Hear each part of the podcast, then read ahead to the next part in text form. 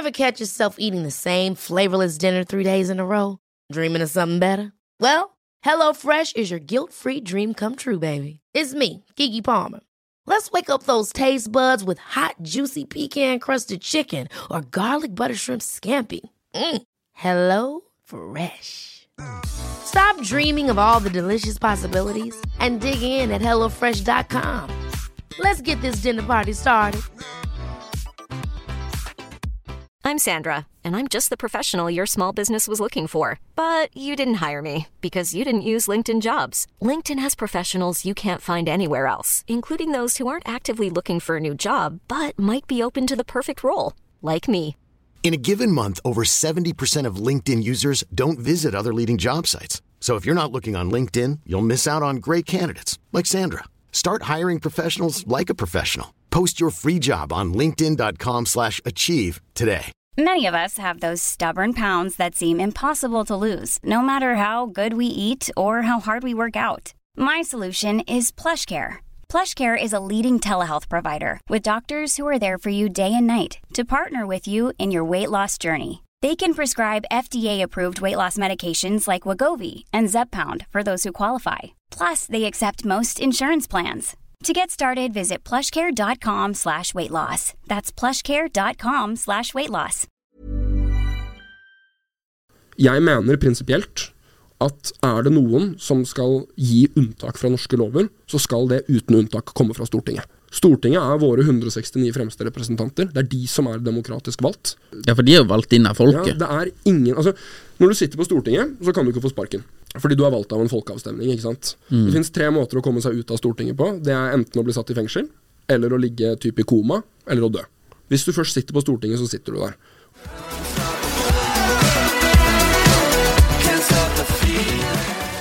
Alright, da er vi tilbake med en ny episode av Impressions Pod. eh, Og vi er nå kommet oss til episode 105. Og i, i den anledningen så har vi med oss Simen Velle. Velkommen til oss. Tusen takk. 23 år fra Asker og eh, leder i FPU, som er da Fremskrittspartiets ungdoms, pa- ungdomsparti. Ja. Stemmer. Og uh, det vi må jo egentlig kalle en TikTok-stjerne i politikken. det, det, Ja, det er dine ord, i hvert fall. Men ja. Men også uh, Norges kommende En av de kommende statsministrene. store ord. Men uh, Ja, det er et jeg tar spørsmål komplimentet. Ja, men jeg tror du ikke det Du treffer jo godt, eh, virker det som, eh, blant unge.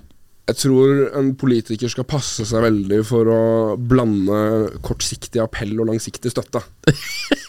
ja, ja, den ser jeg. Jeg tror en statsminister bygges over mye mer enn et skolevalg. Ja. Og så er jeg litt der at jeg vil gjerne fullføre og gjennomføre de oppgavene jeg har tatt på meg, før jeg tenker på neste skritt. Ja. Uh, og nå er jeg veldig godt i gang med, med FPU-prosjektet. Mm. Syns jeg har verdens kuleste jobb. Ja. Trives veldig godt med den. Ja. Og da tenker jeg ikke så veldig mye på hva som kommer etter. Jeg prøver å leve litt i nuet, som man sier. Men du gjorde det veldig godt i eh, skolevalget. Det gikk overraskende bra. det gjorde det. Ja, Hva var det du fikk eh, av oppslutning da? Vi gikk opp fra Det kommer litt om du regner stortingsvalg eller, eller kommunevalg, men fra sist kommunevalg så gikk vi opp fra 8,9 til 19,5. Ja 8,9 til 19,5. Yes, Det er jo nesten eh, like økning som andre har hatt nedover. Ja, det er gøy, det. i midten. Eh, Hvor lenge har du vært i politikken, og hvordan kom du inn i politikken? Jeg meldte meg inn i FPU høsten 2017, rett i etterkant av stortingsvalget da. Og grunnen til det var at jeg hadde alltid vært politisk engasjert og brydd meg om det som foregår rundt meg. Eh, men jeg merket når jeg begynte på videregående at jeg, jeg drev med idrett som barn, syntes ikke det var så interessant lenger. Eh, jeg er en fyr som ikke likte skolen så veldig godt. Jeg trengte noen utfordringer, rett og slett, for å ikke møte veggen og havne på skråplanet, som man sier.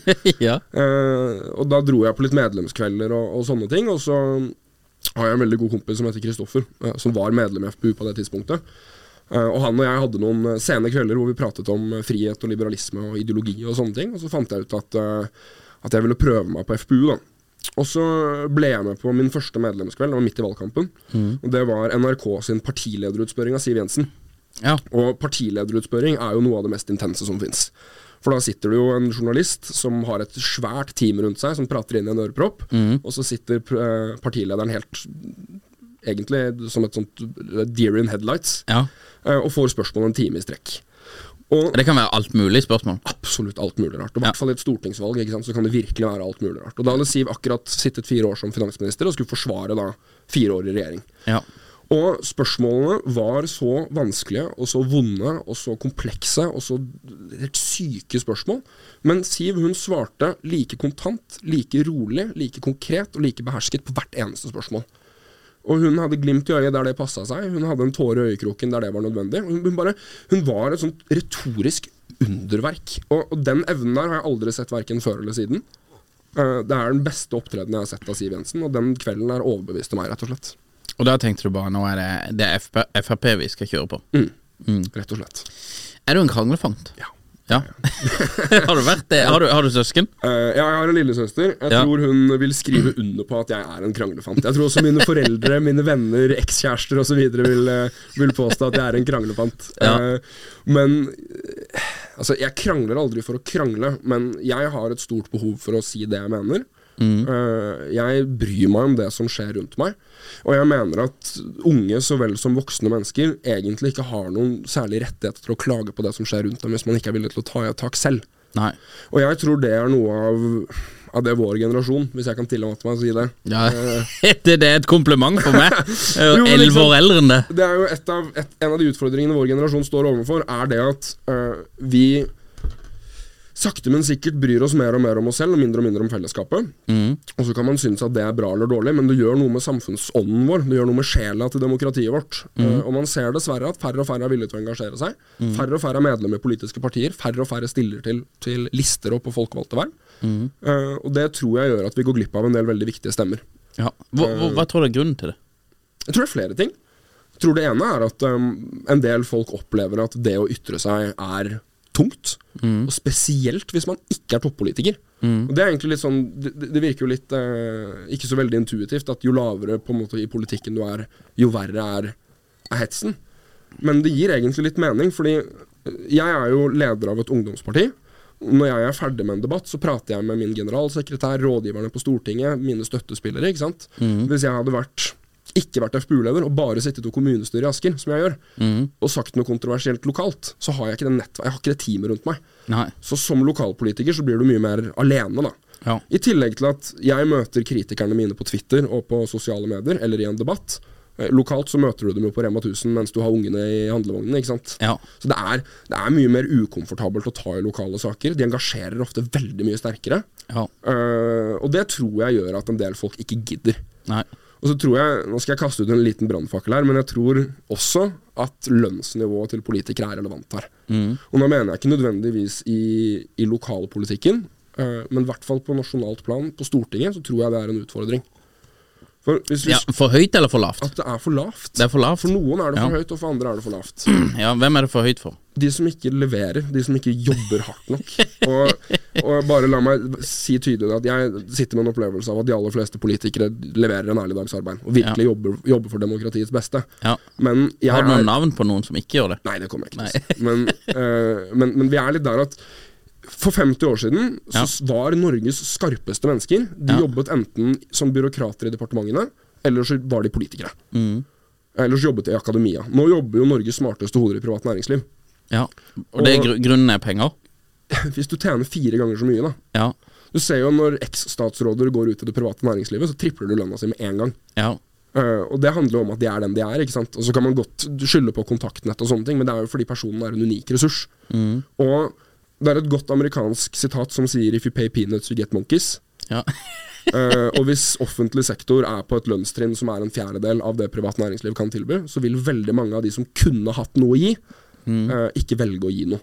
Men veldig mange i Norge vil jo tenke at det, politikere, de er jo, iallfall de som er på Stortinget Hva er lønna der? 1,2 eller noe Ja, sånt? 1,1 cirka. Men det er jo på en måte bare lønna. Så veldig mange vil jo si at de har så sinnssykt med fordeler. De har eh, fire-fem pendlerboliger hver, og de har eh, kilometergodtgjørelse når de skal på kaker hos bestemor. Og de har bare så sinnssykt mye fordeler. De har etterlønn, som er skyhøy.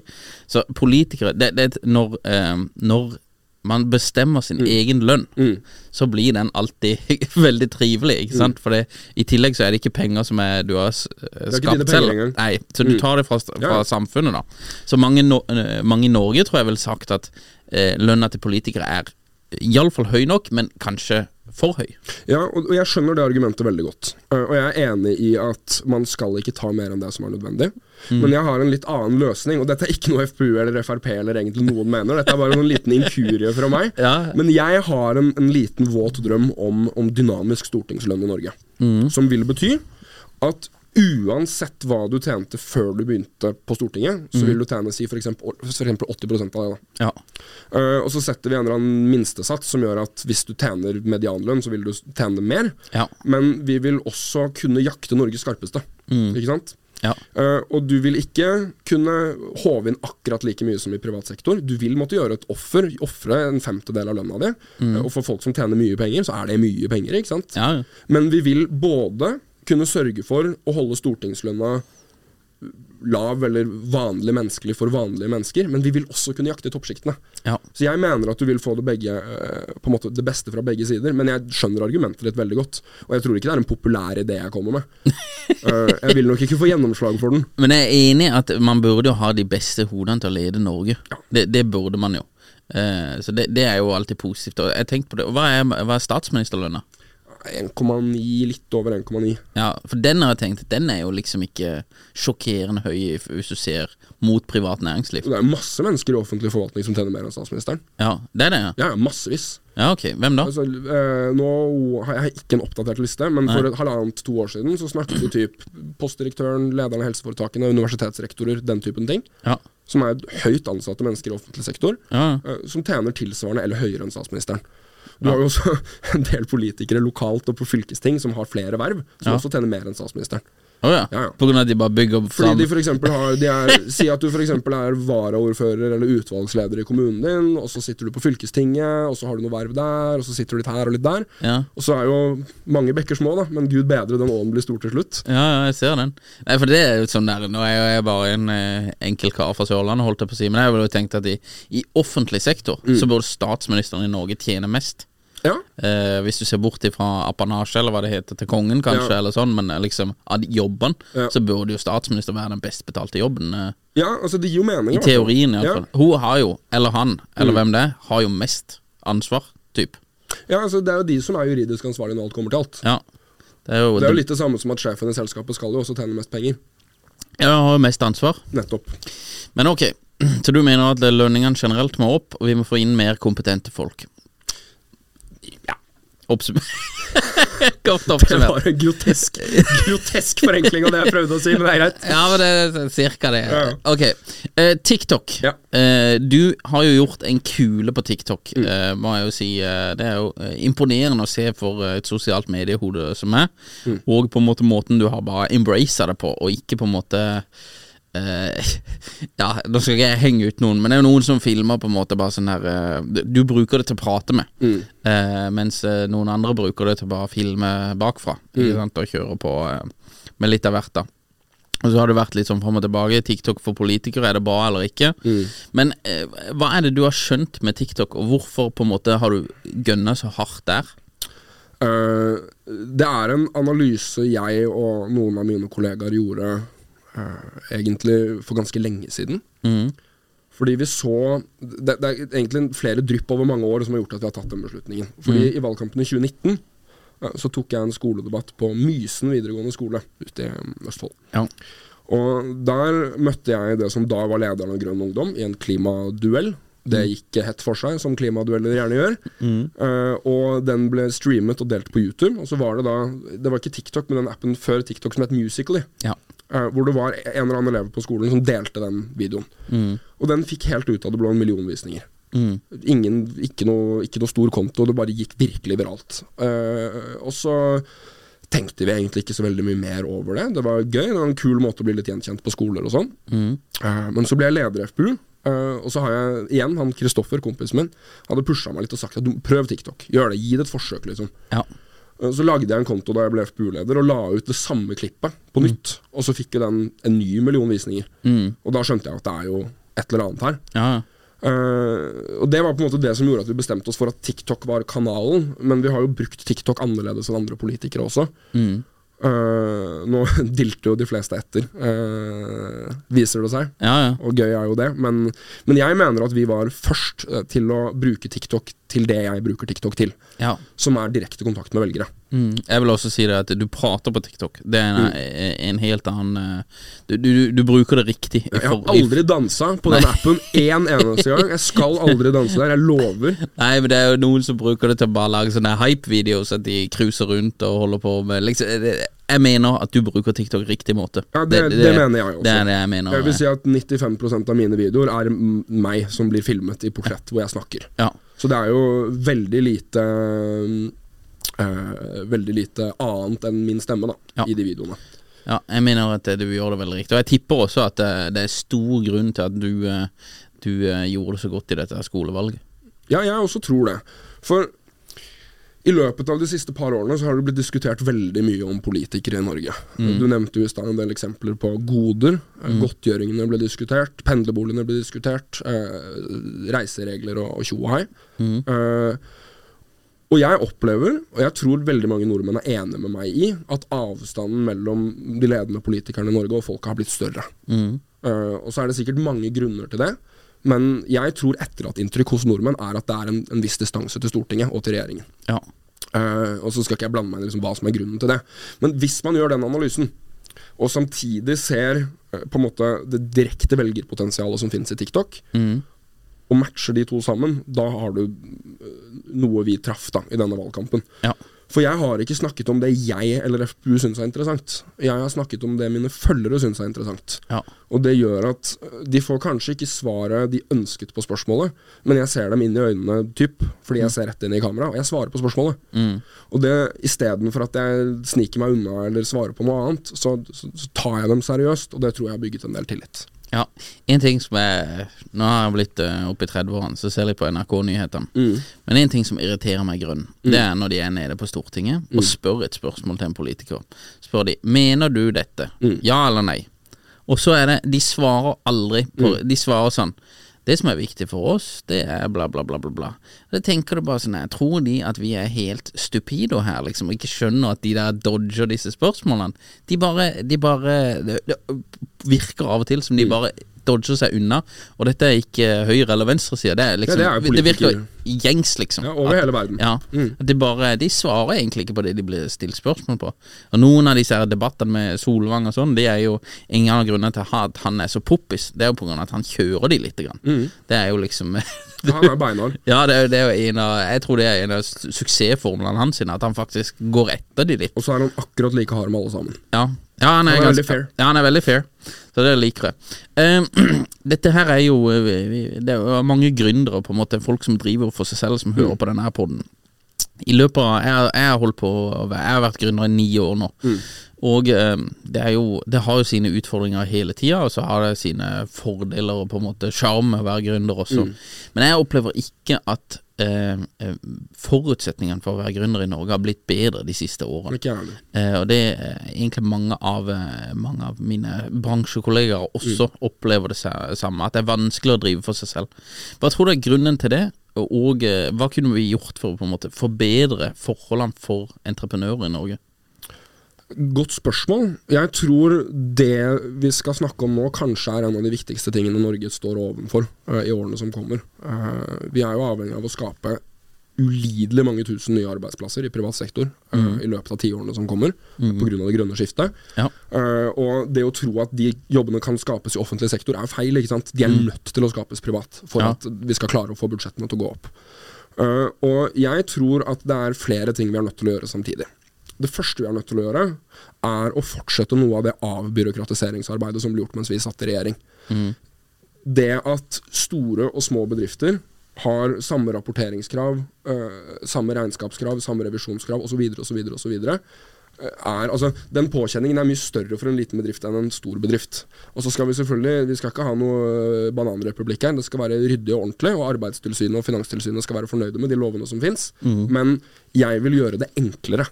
Ja. Det er det første. Det andre jeg har lyst til å gjøre, det er å, å, å se på økonomien til oppstartsbedriftene.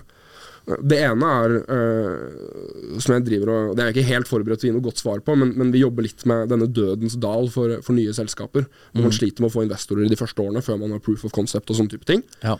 Uh, som jeg mener man bør titte på, og hvor det bør finnes noen, noen muligheter. Eh, og det andre er å røre skattesystemet. Ja. Eh, og da er jo den, den første og største tingen Fremskrittspartiet og FPU har lyst til å gjøre, er å fjerne formuesskatten. Ja. Som jeg mener er det viktigste enkeltgrepet vi kan gjøre i skattesystemet for å gjøre norsk næringsliv mer konkurransedyktig. Fordi formuesskatten den er urettferdig av to grunner. To veldig gode grunner. Det ene er jo at man beskatter en person fordi de eier en bedrift. Eh, og den skatten bommer jo grassat, ikke sant. Fordi eh, du, du og jeg, uh, og min far som eier sin egen bolig, straffes mye hardere enn Norges rikeste av formuesskatten. Ja, ja. Mye hardere. Eh, så det å fjerne formuesskatten, i det minste på arbeidende kapital, men, men gjerne hele, det mener jeg er et grep vi bør kunne gjøre. Ja. Det er ikke mer enn 30 milliarder på statsbudsjettet, så de pengene bør kunne dekkes inn. ja, for det er jo ikke så mye penger Det er heller. ikke så mye penger. Men det, det de er redd for, er signaleffekten. Jeg så han eh, jokeren var Giske var på Wolfgang Wie her. Og han, eh, Wolfgang kjørte han litt grann Ja. Mm. på dette her, men jeg kom, kom ikke til bunns. Men det, det virker som det er på en måte signaleffekten at noen blir sk- nullskattytere. Ja, men jeg, synes den, jeg hørte den samme podden, og hans forklaring om nullskattytere syns jeg var litt tynn. Ja, ja det syns Altså, jeg også. Altså, hvis jeg ikke betaler skatt ett år fordi jeg ikke går opp eller ned i lønn, eller ikke går opp eller ned i, i formue, og bare sitter på pengene mine i et år, er jeg ikke nullskattyter. Jeg har skattet av pengene. Jeg har jo tjent dem før. Ja, ja. Og det er jo det som er eh, noe av den ideologiske delen av skattepolitikken til Frp, er jo at vi vil helst ikke at en sam, den samme kronen skal skattes mer enn én en gang. Da. For i dag så skatter du jo, hvis du er lønnsmottaker, så har du jo inntektsskatt. Uh, og så har du moms på alt du kjøper. Uh, og så har du jo avgifter på strømmen, du har jo uh, avgifter på alt mulig rart. Drivstoffavgifter og tjo Mm. og så kommer vi til årets slutt, og hvis du eier din egen bolig, så har du da formuesskatt i tillegg. ikke sant? Ja. Eh, og eh, Så kan man godt snakke om at den ene prosenten skal opp eller ned, eller sånne ting, men, men poenget er jo at skattetrykket i Norge er enormt. ja, ja. Og når folk samtidig ser at vi skal bruke snart 60 milliarder på et uh, nytt regjeringskvartal, vi skal elektrifisere Melkøya, som har null klimaeffekt, elektrifisere sokkelen for 50 milliarder, havvindmøller til 80 milliarder, altså pengene sitter løst, ikke sant? ja, ja. Og vi samtidig er Matkøene har aldri vært lengre. Altså, jeg, jeg tror folk sliter med å forstå hvordan den politikken som føres i dag, er rasjonell. Eh, og så har jeg ett poeng til om formuesskatten, som jeg også mener er veldig relevant. Og det er at det bare er norske eiere som betaler formuesskatt. ja. Det er kjempeviktig, altså. Ja, jeg kan ikke skjønne at politikere syns at det er bra, liksom. For det, da er det jo insentiver for å få utenlandske eiere. Yes. Det er billigere for øh, enten en sjeik eller en oligark eller en kineser for den saks skyld å komme hit og drive ditt selskap i Norge, enn det er for deg å gjøre det. Hva er det vi driver med? Nei, det, tenker jeg. Og hvis du ser at nå er det krig her og krig der og krig alle veier, holdt jeg på å si, så er det jo det, det må jo være på en måte eh, smart å ha norsk, norske bedrifter norsk, eh, i Norge. No, Ha norske eiere på norske ting. Absolutt. Akkurat som det er på en måte viktig at vi har e eget landbruk og klarer å produsere egen mat her. Vi har jo sett noen ganske stygge eksempler. Ja. uh, for noen år siden, det var etter at Frp gikk ut av regjering med den Bergen Engines-saken, hvis du har hørt om den. Nei. Det er et en, eh, høykompetent uh, rederi på Vestlandet som lager motorer. Mm. Blant annet til uh, Mariata, som er skipet til den norske etterretningstjenesten. Ja, okay. Veldig, veldig, veldig veldig rikets sikkerhet-type ting. ikke sant? Ja, ja. Og denne bedriften gikk dårlig. De vurderte da å selge bedriften, og inn kommer det en russer. Ja. Ikke sant? ja. Og den ble stoppet til slutt, fordi vi har jo en, en hjemmel i sikkerhetsloven til å stoppe kjøp hvis det er av strategiske interesser og sånne ting. Ja. Som er veldig bra at den hjemmelen fins. Men det var VG som plukka opp den saken, altså. ja, ok. Ja. Og som pusha på, og så snudde regjeringen. Ja. Og Da hadde vi jo sittet i en situasjon hvor både Jeg lurer på om fregattmotoren også er bygd av samme bedrift, faktisk. Hvor det da er vår hovedmotstander, og hele grunnen til at vi bygger opp forsvaret vårt, forvalter da reparasjonstjenester og vedlikehold av motorene på samtlige marinefartøy vi har. ja. Det, det er helt hodeløst. God jul og godt nyttår. Jeg Ja. tror norsk eierskap er viktig. Ja, jeg tror også det. Jeg er helt enig i det. Jeg tror også det. Men, men for ordens skyld, det betyr ikke norsk statlig eierskap.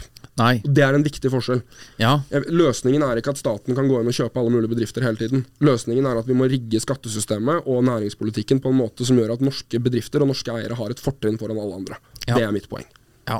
For altså, alle disse her Vi sitter jo rett overfor uh, Hegnar. Og Mm. han skriver jo uh, Trygve skriver hver dag nesten om at folk flykter til Sveits. Mm. Men alle disse her som stikker nedover eh, Det er jo mange som uh, ikke liker de, og at de er bare rikinger som skal spare på skatten og ditt og datt. Mm. Men uh, eh, hva tenker du om disse? her? Treng, trenger Norge Røkke? Ja. Ja. Norge trenger milliardærer. Ja. Mer enn de trenger meg og deg, holdt jeg på å si. For å, si, for å være helt ærlig med ja, deg. ja, de trenger ikke meg. Jeg bor jo i den kommunen som Røkke flytta fra Asker. Ja. Sitter i kommunestyret der. Ja. Jeg vet akkurat hvilken kostnad det har hatt for Asker kommune at Røkke har flyttet til Sveits? Ja, det må være millioner. Har du lyst til å gjette hva det er på inneværende års budsjett? Nei, han er desidert største skattyter der. klart. Jeg tipper ehm, 200 mil. Ja, 150. 150. 150 millioner kroner. Eh, Det er også for en rik kommune som Asker veldig mye penger. Ja. Veldig mye penger. Det har gjort at vi har måttet endre åpningstider og prisstruktur i svømmehaller. Vi har måttet fjerne en del privat, eller eh, gratistilbud Ja. som Asker kommune tidligere har kunnet gi. Mm. Uh, og det er jo bare fordi én mann har flytta, ikke sant. Ja.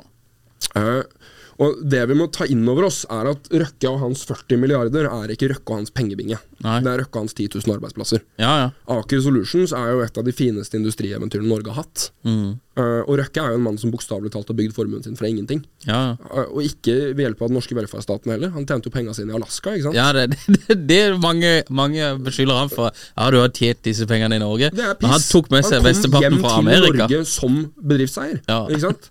Og så kan man godt si hva man vil om disse rikingene. Eh, jeg syns eh, norske rikinger er blant de beste rikingene i verden. Hvis du tar Olav Thon som et eksempel. Han har bygd halvparten av turisthyttene Norge har. Mm. Han har pledget mesteparten av formuen sin når han dør, og det er det veldig mange rikinger som gjør. Mm. Og Altså På en eller annen måte da Så må jo Dette, dette sa Trond Giske i den samme podkasten, men på et eller annet måte så må jo Altså Selskapene må jo eies. Ja, ja. Ikke sant? Eh, og Enten så er det staten som gjør det, eller så er det privatpersoner som gjør det. Mm. Og Venstresiden snakker jo mye om at de ansatte må på en måte få lov til å bestemme mer, og det kan ikke bare være eierne. Men det er jo ikke noe problem for ansatte å være eiere. Nei, nei. Jeg husker jeg besøkte Freia eh, sjokoladefabrikk, som ligger midt i Oslo, for da jeg var liten, med, med klassen. Sånn klasseomvisning. Og Da fortalte han omviseren en litt artig historie om at eh, i kantina på Freia så hadde de pleid å ha aksjekursen til Freia på veggen, live. Mm. Det var fordi de ansatte på Freia De kjøpte aksjer i sitt eget selskap. Mm. Og Da satt de og koste seg i lunsjen og så kursen stige ikke sant, år etter år. Ja, ja. Og, og det krakka på et tidspunkt, som alt gjerne gjør. Ja, ja. Men det poenget der er jo at alle gutta på gulvet var akkurat like investert i bedriften som eieren. Mm. Fordi de også var eiere. ikke sant? Så de mulighetene og mekanismene finnes jo i demokratiet vårt. Det er jo ikke noe problem for alle folk å være eiere. De må bare putte penga sine i selskapet istedenfor på sparekonto. Ja, ja. Så eh, DNB, Equinor Vi har jo mange som staten er ganske stor eier i, da. Er det noen fordeler med at staten er eier også i noen av disse her? Ja, altså Vi har jo forskjellige typer statlig eierskap. Uh, om noen måneder nå så kommer den årlige eierskapsmeldingen til Stortinget. Og det er jo forskjellige departementer som eier, sånn rent formelt. Mm. men det er jo Stortinget som bestemmer hva som skal eies. da. Og noen ting eies fordi det er eh, såkalt strategisk infrastruktur. Det at vi f.eks. har en høy eierandel i Telenor er viktig. Fordi de eier 5G-nettet vårt. ikke sant? Ja. Viktig at Norge kontrollerer det. Ja. Uh, en annen ting som jeg mener det er viktig at Norge eier, er altså helt uh, grunnleggende basale altså samfunnstjenester. Som f.eks. at Norge eier vårt eget politi. Kjempeviktig. Det er en ting som ikke kan privatiseres. Ja, ja. Eh, et annet eksempel er de tingene som er, eh, handler om på en måte rikets sikkerhet, forsvarsinteresser, den typen ting. Kongsberg Gruppen, Nammo er to eksempler på det. Når vi nå skal kjøpe inn uh, nytt utstyr fordi vi har supplert Ukraina med gamle M72-er og, og 155 mm ammunisjon og sånne type ting, så stiller jo vi først i køen fordi vi eier halve Nammo. ikke sant? Ja. Men hvis vi ikke hadde hatt den våpenfabrikken på norsk jord, og eid den våpenfabrikken, så hadde vi måttet sitte 16-17-18 år i kø før vi fikk ny ammunisjon til artillerivåpenet vårt. ja. Men trenger vi ei bank? Det er et godt spørsmål. For jeg skjønner ammunisjon. Det skjønner jeg. Ja. For det er de åpenbare, ikke sant? Ja, de er åpenbare. Ja. Men trenger vi bank? Godt spørsmål. Trenger Olje kan jeg jo skjønne litt også. At det, er, det som er positivt, da Ja. For du er jo helt ute på høyresida med Frp. Ja. Eh, men noen vil jo si at eh, Arbeiderpartiet spesielt, da, de Mm. har jo gjort en god del gode ting. Iallfall uh, back in the day. Dette her med Sånn Handlingsregelen, for eksempel. handlingsregelen. Kjempeeksempel. Veldig bra. Mm. Det er jo på en måte for fellesskapets beste, da. Ja. Og det er jo litt sånn der eh, Sånn som med Equinor da, eller Statoil tidligere, så Mm. er jo Hvis du ser på verdens eh, land som har funnet olje, Mm. så er det veldig få land som har klart å få olje til å bli eh, på en måte velstand for hele landet. Det er Norge, og så er det alle ting Saudi-Arabia, er også heva veldig. Mm. Men hvis du ser på Venezuela og alle, mange andre som har store oljeressurser, Mm. så ender de alltid med at det er noen politikere som selger rettighetene til Mm. gjerne amerikanere, og så er det en bitte, bitte liten gruppe som blir steinrike, Det har vi unngått i Norge. og landet landet ble ikke rikt. Og det har vi unngått i Norge. Kjempeflaks. Så ja, ja, ja Jo, det er en blanding av flaks og AP. veldig politisk teft. da Ja. Og det bringer meg litt tilbake til det jeg sa i stad om at for 50 år siden så satt Norges skarpeste hoder i departementene. Det er jo noen glupe karer i Olje- og energidepartementet som fant ut det her. ja. Uh, hvis du ser Lykkeland og de forhandlingene som skjedde før norsk olje ble norsk olje, så ser man at hadde feil fyr sittet med de på en måte posisjonene da, så er det jo Storbritannia som hadde hatt de pengene i dag. Ja, ja. Ikke sant? Og Det er jo det som bringer meg tilbake til hvor utrolig viktig det er at vi har våre skarpeste hoder i nøkkelposisjoner i samfunnet. For det er de som skal snakke på vegne av oss alle sammen. Og jeg kan være helt ærlig på at jeg er glad for at Arbeiderpartiet tok mange av de beslutningene de tok på 60-, 70-, 80-, 90-tallet. Mm. Både uh, leterefusjonsordningen opp mot produksjonsavgift og høy skatt. Genialt tiltak, ikke sant? for å sikre masse leting. Eh, skal jeg forklare hva det er? Eller tror vi ja, du tar det kjapt. I Norge så er det sånn at hvis du borer en brønn på norsk sokkel og finner olje, så må du betale 78% skatt på all profitt. Hvis du brønn, borer en brønn og ikke finner olje, så får du tilbake 78 av pengene du har betalt. Oh ja. ja, det er jo bra, da. Så det er rett og slett en deal som gjør at hvis selskapet ditt borer masse og ikke finner noen ting, så Ja. er det ikke en veldig stor utgift. Nei. Men hvis du finner, så skal vi ha mesteparten av profitten. Ja, ok. Ja. ja, men det er jo Det er en god deal. Mm. Det er jo for så vidt fair enough, altså. Det er jo, eh, men det er jo starten med å ta risiko også. Det er de. Det er jo bra. For det er jo det som er det, disse her vindmøllene på havet og alt dette her. Ja. Så er det jo eh, Der mener jeg at eh, potensielt de har et poeng. At det er noen ting Mm. krever så enormt med penger eh, at næringslivet ikke kommer til å ta den risikoen. Så før det blir profitabelt, så må liksom staten gå inn og dele risikoen, da. Hva, til, hva mener du om det? Fram til 2030 så skal eh, Equinor investere mellom 2500 og 3000 milliarder kroner. De har penger til å bygge havvindmøller. Ja. Ja. Hvis det hadde vært lønnsomt, så hadde de bygd dem. Ja, Equinor men- er ute etter å tjene penger som alle andre. Ja, det skjønner jeg, men si at de tjener eh, 20 milliarder på de da, bare for å ta et tall, så tjener de 30 milliarder på olje og Men gass. de har allerede fått instrukser fra storting og regjering om at de skal tenke grønt. De skal vri strategien sin. Så hvis de hadde sett at det var i nærheten av lønnsomt, så hadde de hoppet over det byttet som en sulten tiger. altså. Det er jeg helt sikker på. Ja, ok, Så det er ikke bare at ok, vi tjener mer på olje og gass, så vi bare fortsetter med det, og vi driter i vind på grunn av at Ja, men de har penger til å gjøre begge deler, ikke sant. Hadde, altså, hadde, altså, vi snakker om tusenvis av milliarder av kroner i investeringer. Ja. Det er over hele verden, men mye av det skjer på norsk sokkel. Så du mener at havvind er helt i dunken? Jeg mener at hvis et privat selskap med private midler klarer å få havvind til å funke, så er jeg den første til å heie på det. Ja. Jeg heier på alt privat næringsliv og alt privat initiativ. Jeg syns det er kjempebra. Ja. Men ikke kom og forvent at jeg skal regne budsjettet ditt hjem fordi du ikke klarer å regne det hjem selv. Det er ikke skattebetalernes oppgave. Nei, for det er jo fellesskapets penger her. Yes. Det, det, det tror jeg også er litt sånn her provoserende av og til. Det, det blir jo litt sånn her med disse her matkøene. Mm. Men du har matkøer, og så har du veldig lange eh, på sykehusene og sånn her, og eldreomsorgen. Så er det liksom Det er dårlig stilt, da. Det Mm. Ja. føler iallfall folk. Eller det er det Ja. media forteller oss, Ja. iallfall. Og så er det bare Det pøses liksom milliarder av penger ut i disse her tingene. Mm. Og da tenker jo folk Folk tenker at dette kommer fra samme pengebinge.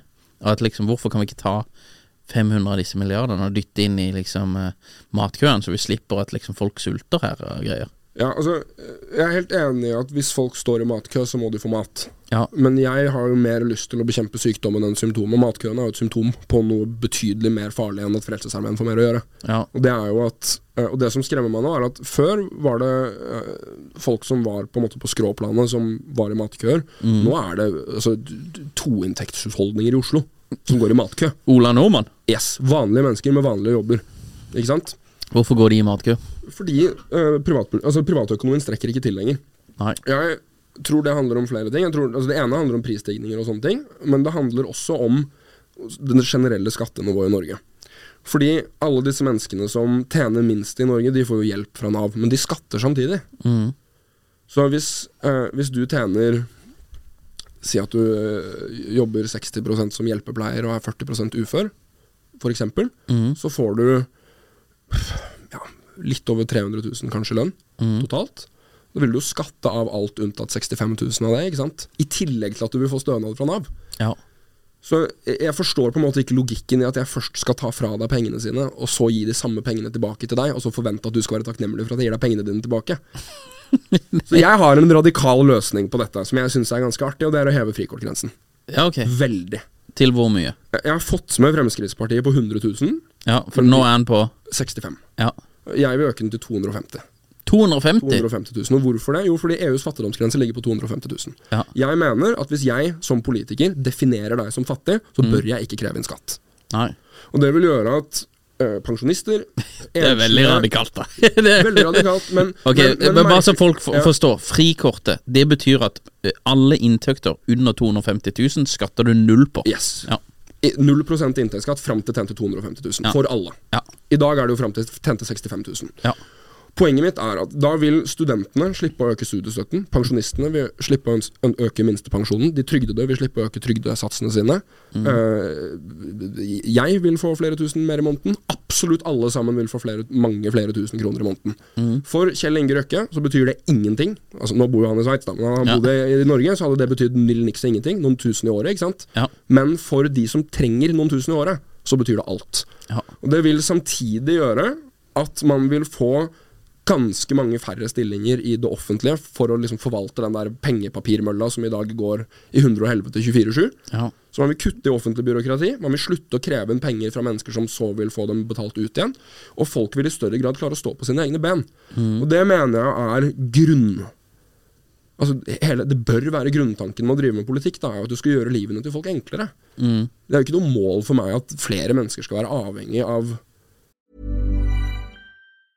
Ever catch yourself eating the same flavorless dinner three days in a row? Dreaming of something better? Well, HelloFresh is your guilt free dream come true, baby. It's me, Gigi Palmer. Let's wake up those taste buds with hot, juicy pecan crusted chicken or garlic butter shrimp scampi. Mm. Hello Fresh. Stop dreaming of all the delicious possibilities and dig in at HelloFresh.com. Let's get this dinner party started. I'm Sandra, and I'm just the professional your small business was looking for. But you didn't hire me because you didn't use LinkedIn jobs. LinkedIn has professionals you can't find anywhere else, including those who aren't actively looking for a new job but might be open to the perfect role, like me. In a given month, over 70% of LinkedIn users don't visit other leading job sites. So if you're not looking on LinkedIn, you'll miss out on great candidates like Sandra. Start hiring professionals like a professional. Post your free job on linkedin.com/achieve slash achieve today. av offentlig stønad. Nei, Hva slags det, poeng er det? nei, for det, når det offentlige vokser dette her, Hvis du ser historisk på det, Ja. eh, så, så det, det, det funker liksom ikke når det offentlige blir for stort. Og Det er jo sikkert mange grunner til det, men, eh, men eh, det blir for mye å holde styr på, rett og slett. Mm. Og så forsvinner eh, du, du mister motivasjon rundt i de forskjellige områdene og sånn og sånn. Men Så det er en løsning på å få ned eh, offentlig sektor i Norge. For det, jeg har noen tall, og det vet, vet jeg ikke om jeg er reelle engang, men jeg har noen tall som sier at 66% av BNP i Norge er offentlig sektor. Stemmer. Det stemmer? Ja, ja omtrent i hvert fall. Ja. Så vi sier vi er cirka der, da. Hvordan får vi ned den prosenten? Da kan man gjøre to ting. Man kan enten styrke det private eller kutte det offentlige. Jeg har lyst til å gjøre begge deler. Ja. Eh, for 15 år siden så var det norske statsbudsjettet på ca. 1000 milliarder kroner. Nå har vi bikket 1900. Det har skjedd fort. 15 år? Ja. Nesten dobla? Yes. Ja. Gått dritfort. Vet du hva Sveriges statsbudsjett er? Det er et land med 9 millioner innbyggere. ja. Nei, det er sikkert uh, det samme. 1200 milliarder kroner. Mye 700 milliarder mindre bruker det året. Og så skal ikke jeg bruke Sverige som en sånn posterboy på det perfekte samfunnet, for der går det dårlig om dagen. Men de har gamlehjem, og de har sykehus, og de har veier, og de har politi, og de har forsvar. ikke sant? Mm. Eh, Det er mange små grep jeg ville endret på Sverige, men mye av Sverige funker. ikke sant? Ja.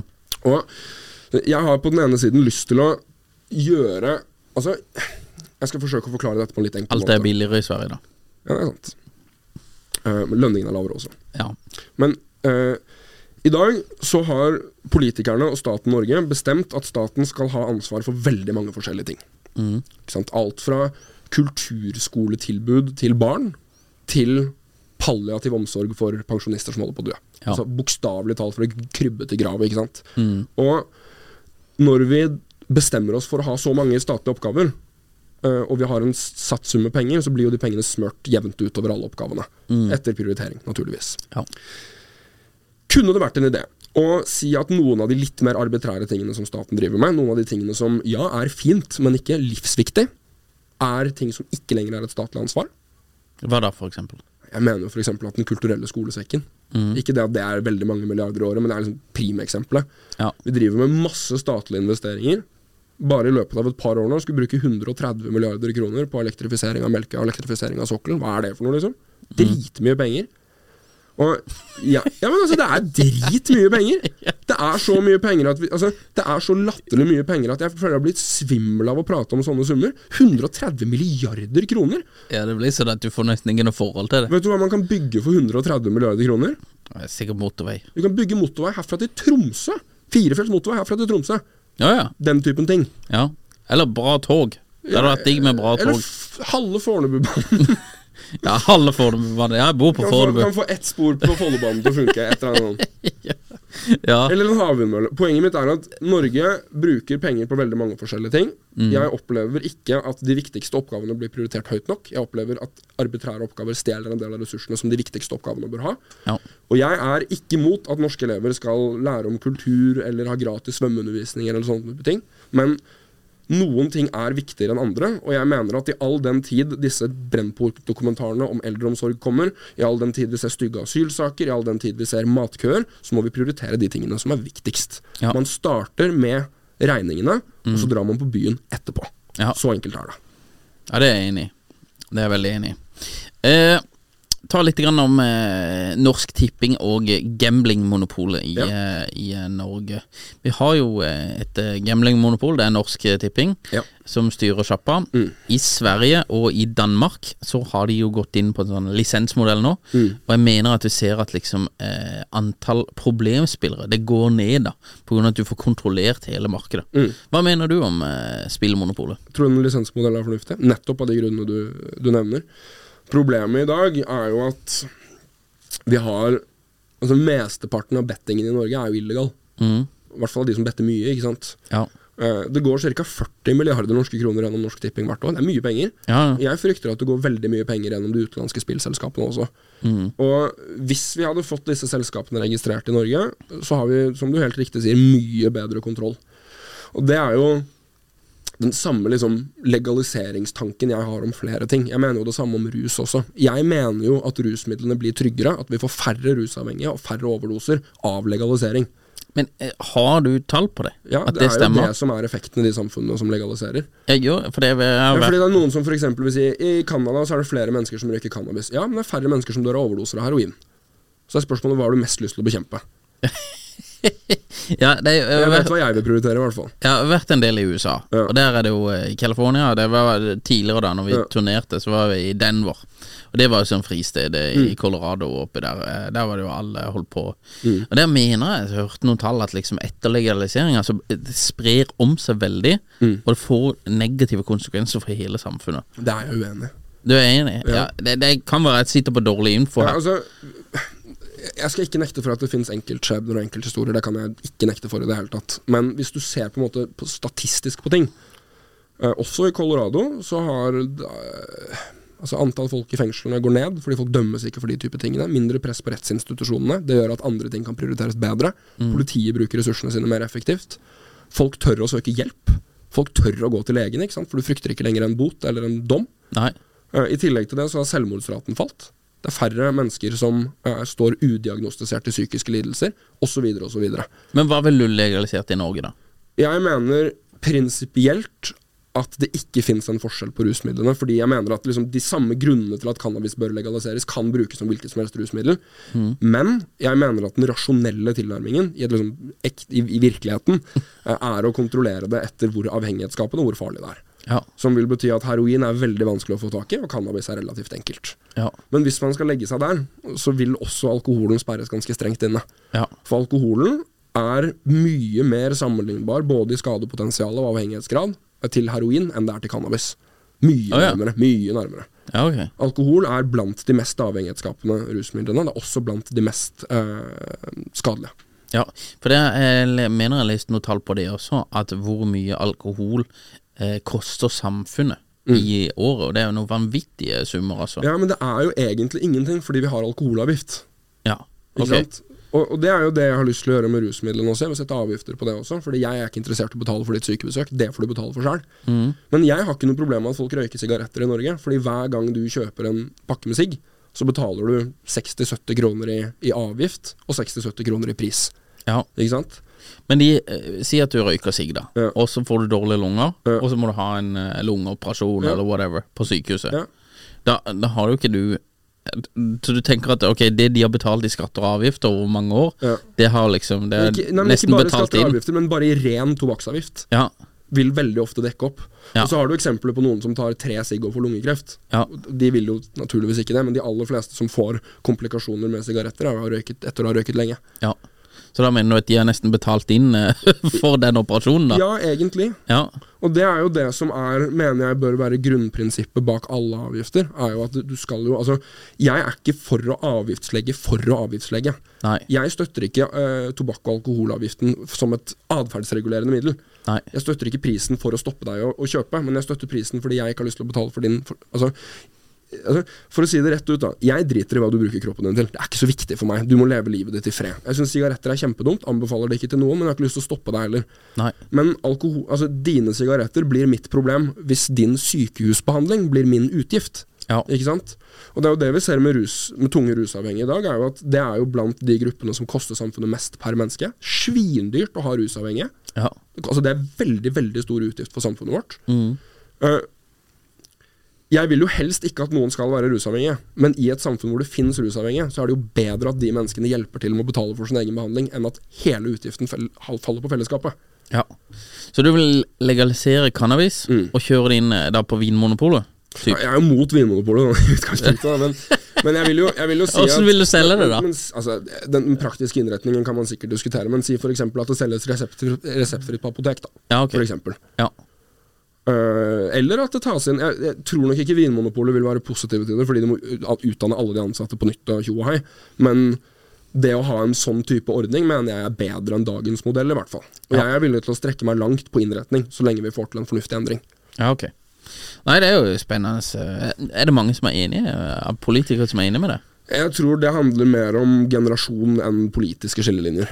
Ja. Alle ungdomspartiene, med unntatt av Senterungdommen og KrFU, er positive til enten avkriminalisering eller legalisering. Ja. Uh, og alle de unge og voksne politikerne er ofte ganske positive til i hvert fall rusreformen. Da. Tror du, hadde, tror du avkriminalisering hadde holdt? Nei. Nei. Og det handler om at dagens forbudslinje fører med seg to problemer, mener jeg. Det ene er uh, at vi putter folk i fengsel for å ødelegge sin egen kropp, noe jeg mener er prinsipielt feil. Mm. Det andre vi gjør, er at vi opprettholder et veldig stort, veldig farlig illegalt marked, som drar inn mange milliarder i året. Grunnen til at det finnes gjengkriminelle med fete biler i Oslo, er at de tjener penger på hasjsalg og kokainsalg. Hvis det hadde blitt regulert, så ville vi knekt nakken på de kriminelle gjengene. For da måtte de gå tilbake til sånn mafiaen holdt på på 40-tallet. ikke sant? Med, ja, men, ja, men, ikke sant? Du, du har sikkert sett Gudfaren-filmene. Ja, ja. Det er jo egentlig en ganske god beskrivelse av narkotikans inntog i de kriminelle miljøene. Fordi før narkotikaen så drev de kriminelle gjengene med masse forskjellige ting. De drev med gambling og prostitusjon, og de drev med union work og veddeløpshester, og det var ikke måte på. Og så fort narkotika ble en greie i Vesten, så er alt annet irrelevant. Fordi profittmarginene er så sinnssyke. ikke sant? Det er så gode penger i det. Det er så gode penger at hvis du sender en container med kokain fra uh, Colombia til USA, så kan 97 av 100 containere bli tatt, og du fortsatt får profitt. 98 Yes, profit? det er helt syk profitt. Å ja. ja, det var jo heftig. Man kan kjøpe en kilo kokain for 5000 kroner i Colombia. Den selges for gatepris en million kroner i Norge. da. Det er helt sykt. Ja, det er jo voldsomt. Og så det visste og så er poenget mitt da at øh, det er noen kriminelle gjenger, både i Norge, men også i resten av verden, som tjener sinnssykt mye penger på, den, på kamp, krigen mot narkotika. Mm. Og Jeg tror, og det er jo på en måte egentlig ganske åpenbart, at hvis man tar de inntektene fra de kriminelle nettverkene, Mhm. øh, og samtidig flytter politiets ressurser fra røykerne til selgerne, så vil man klare å knekke gjengene. Ja. Noe jeg mener er griseviktig akkurat nå. ja. For nå ser du de kriminelle nettverkene i Sverige begynne å etablere seg i Norge. For nå er svenskene de har våkna, ikke sant. De har jo satt inn Forsvaret for å ta gjengene i Sverige. Ja. Det er big business der borte. Ja, ja. Og da er det jo naturlig for et kriminelt nettverk å se om gresset er grønnere på andre siden. Og når vi løser gjengproblematikken i Oslo med å opprette eh, politikontorer i Finnmark, så er jo det, vi er jo et lett bytte, da. Jeg ser den. Men vi var jo egentlig Det sveina jo helt ut her fra spillgreia. Ja. Og grunnen til at jeg tar opp det, at jeg har hatt en del um, folk på podden Ja.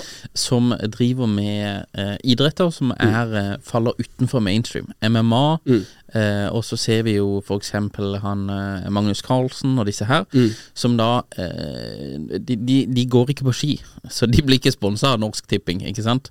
Og da må de ha jobb på sida, og da får de ikke trent ordentlig nok, fordi det, du må skifte fokus, og da får du aldri noen i verdenstoppen, liksom.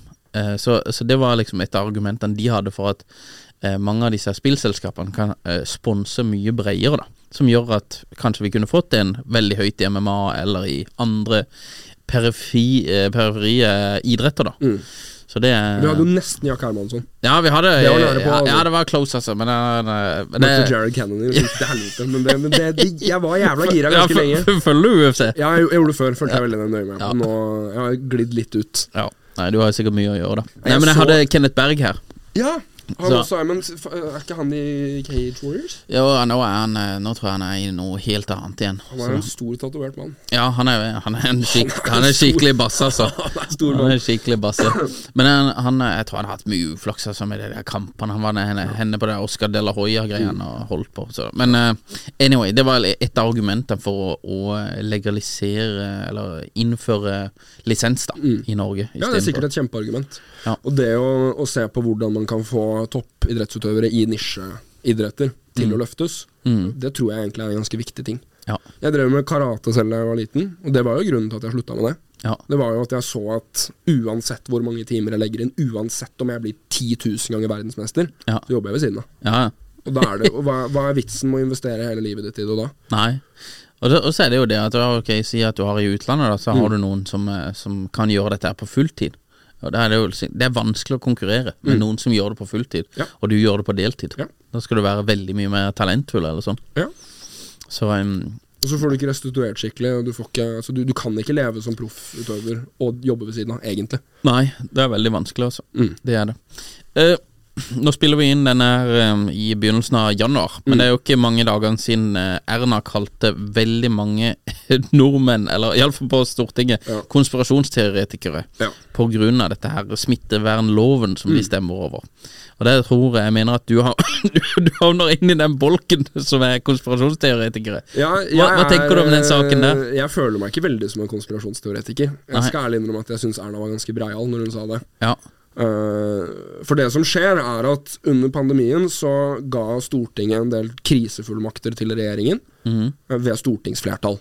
Blant annet at regjeringen fikk lov til å innføre karantener og vaksinasjons... Eller ikke vaksinasjonsplikt, men uh, testeplikt og isolasjon og koronahotell og alle disse tingene som ble gjort under pandemien. Mm. Og greia er jo at det å f.eks. tvinge noen til å være hjemme, er jo i utgangspunktet ikke lov i Norge. Det er jo ikke innenfor verktøykassa til regjeringen, men Stortinget ga den fullmakten fordi det var pandemi. Mm. Det regjeringen nå har gjort, er at de har gått tilbake til Stortinget og bedt om at den krisefullmakten er noe regjeringen selv skal få lov til å utløse. Ja. Altså at Stortinget ikke lenger skal få lov til å bestemme om pandemien er et faktum. Det er vel egentlig der vi er. ja. Eh, og så har det blitt diskutert veldig mye tilbake på en måte ordlyden uh, i forslaget. Fordi det står at kongen skal få lov til å bestemme. Mm. Kongen betyr regjeringen. ja. Ikke sant? Men når det står kongen, så betyr det at kongen egentlig kan få lov til å delegere den oppgaven. Fordi det er hans ansvar. Ja. Det burde stått kongen i statsråd. Ja. Det hadde vært en bedre formulering, men det, men det gjorde det ikke. Nei. For da tvinger man statsrådet til å samles, fordi det skal vedtas i statsråd. Mm. Men nå kan det i teorien, og det er jo det folk bekymrer seg for, da, så kan den makten delegeres til en ikke-valgt person, som f.eks. Espen Nakstad, mm. som sitter i FHI. Han er ikke demokratisk valgt, men sitter med da dømmende makt over, eh, over folk sine liv. ja, okay. Og jeg tror ikke at verken Espen Nakstad, norske politikere eller norske helsemyndigheter har en intensjon om å være jævlige eller konspiratoriske eller noe sånt. Nei. Ikke i det hele tatt. Jeg syns også disse WHO-konspirasjonene som har De er nok også litt utenfor virkeligheten, altså. Ja. Men jeg mener prinsipielt at er det noen som skal gi unntak fra norske lover, så skal det uten unntak komme fra Stortinget. Mm. Stortinget er våre 169 fremste representanter. Det er de som er demokratisk valgt. ja, for de er jo valgt inn av Ja, det er ingen Altså, når du sitter på Stortinget, så kan du ikke få sparken. Nei. Fordi du er valgt av en folkeavstemning, ikke sant. Det finnes tre måter å komme seg ut av Stortinget på. Det er enten å bli satt i fengsel, eller å ligge typ i koma, eller å dø. Ja. Hvis du først sitter på Stortinget, så sitter du der. Du kan ikke trekke det. Ikke egentlig, Nei. fordi du er valgt. Ja. Du, altså, du kan få velferdspermisjon og sånne type ting, men i utgangspunktet så sitter du der. Ja. Og det handler jo om at man kunne sikkert ønsket at noen av de politikerne som havnet i skandaler og sånn, forsvant fra politikken. Men greia er jo at ingen skal kunne overstyre Stortinget. Det er, det er hele demokratiet vårt, er Stortinget, ikke sant. Og man er nødt til å ha noen veldig klare skillelinjer mellom de som bestemmer lovene, de som håndhever lovene, og de som dømmer etter lovene. Ja. Altså, det er jo maktfordelingsprinsippet i, i, i sin reneste form. ikke sant? Og jeg opplever at regjeringen og du Bare ser hvilke partier som stemmer for. ikke sant? Det er Senterpartiet, Arbeiderpartiet og Høyre. Ja. Som da er sittende regjering pluss Erna Solberg. ja. Uh, og, Kommende regjering. ja, men, altså, Kanskje. ja, men vi, vi i Fremskrittspartiet syns det er en kjempedårlig idé. Ja. Uh, og ja, jeg skjønner at ved neste pandemi så betyr det litt mer arbeid for regjeringen, men det er arbeid som regjeringen skal gjøre. Ja. Så bare for å forklare dette her for folk som ikke skjønner da Stortinget, det er jo på en måte da De, de må godkjenne Så det er regjeringa som da styrer Den går til Stortinget og sier Vi ønsker å ha makt til å kunne kjøre folk på koronahotell og sånn Og så sier de ja eller nei da Ja. Og det jo Det ble jo ja denne gangen Men da, da er det det at Regjeringa trenger ikke å gå til Stortinget Så de trenger ikke Yes. å prate med noen Så det er bare å kjøre på Vi tar en liksom beslutning, rett og slett. Ja, ok hm. Ja, Det syns jeg er litt skummelt. Ja. Fordi du, Det du også fikk, ikke sant Når vi begynte med, med, med krisetiltakene, så kom jo regjeringen med en pakke. ikke sant Noen ting kan de gjøre uansett, fordi de har hjemmel fra før. Andre ting må de be Stortinget om, om lov til. ja, F.eks. dette forslaget med å stenge skolene. da Mm. Veldig omdiskutert. Da endte det jo opp med at Stortinget sa til regjeringen nei, nei, nei. Denne måten kan dere ikke stenge skolene på. Det må være flere avbøtende tiltak for barna. ja, Så Da har jo Stortinget sant, direkte demokratisk kontroll, og vi fikk ryddet opp i noe som ville vært problematisk. Ja. Den muligheten har ikke Stortinget lenger. nei Og Så den er tatt nå Den er jo bare i regjeringa da ja, Det ble andregangsbehandlet i Stortinget i går. Nå er vedtaket fattet, så det blir sånn. Det blir sånn, ja? Ja, ja. Ja, ok. Ja. Det er jo eh, hva, hva er de sitt argument for at dette burde være sånn som det er nå? At Hvorfor stemmer de for han? At, at i krisetid så altså Det må du nesten spørre Erna Solberg om. Jeg syns det er en, et elendig forslag. Men uh, for, å si, for å si det rett ut. Men, men argumentasjonen er jo sånn at i krisetid så må regjeringen ha de fullmaktene som er nødvendige til å ta vare på folket. Og, og man kan ikke alltid hoppe gjennom masse ringer for å Uh, Noen ganger må man ta en beslutning fort og sånne type ting. Og det er helt riktig, det. Ja. Men se tilbake i tid, da. Hvor lang tid tok det Stortinget å vedta de fullmaktene? Det tok ikke lang tid, altså. Nei, nei. Var ikke det enstemmig også? Jo, jo, det var, alle er med. Rødt og Frp og MDG og alle er happy. ikke sant? Fordi vi har lyst til å løse Altså, vi er jo ikke for pandemi. Nei, nei. Vi har lyst til å fikse det. Men Stortinget er de som har ansvaret for at regjeringen skal gjøre det de Altså gjøre jobben sin. Det er Stortingets ansvar. Mm. Og hvis man da fjerner muligheten til å stoppe regjeringen fra å gjøre ting, mm. hvilket ansvar er det man egentlig tar da? Nei, det har ikke mye ansvar. Mm. Nei, ok, det er jo litt spennende, da. Ja, Nå merker jeg nå blir jeg sinna.